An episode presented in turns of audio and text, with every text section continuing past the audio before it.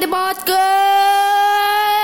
Aku ya teman Di podcast kali ini tepatnya aku ingin mereview cece eh makanan nasi di dekat rumahku yaitu ada makanan budut budut ya namanya guys kita biasa di sana beli ayam ya. Beli bihun beli mie beli rapesan beli opor. Sana tuh tempatnya strategis terus murah masakannya pas bagi saya micinnya dapat asinnya dapat manisnya manisnya dapat sambelnya yang paling saya paling paling suka ya teman-teman. Rasanya gurih-gurih asem ya. Sambelnya dikasih banyak teman-teman.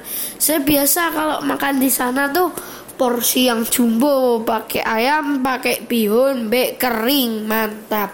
Bagi kalian yang suka dengan podcast ini jangan lupa dengerin terus ikutin terus pantengin terus